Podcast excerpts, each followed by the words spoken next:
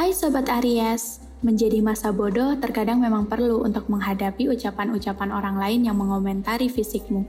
Just remember, you are worth it. You are beautiful, you are gorgeous. Just be grateful for everything you have. Karena tanpa kamu sadari, sebenarnya ada banyak orang yang mendambakan untuk ingin menjadi dirimu. So, be confident.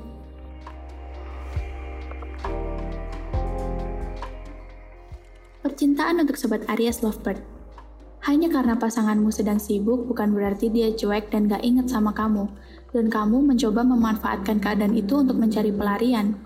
Kalau pelariannya adalah hal-hal lain, it's okay sih kayaknya. Tapi kalau pelariannya adalah orang lain, hmm, are you sure want to end up like this?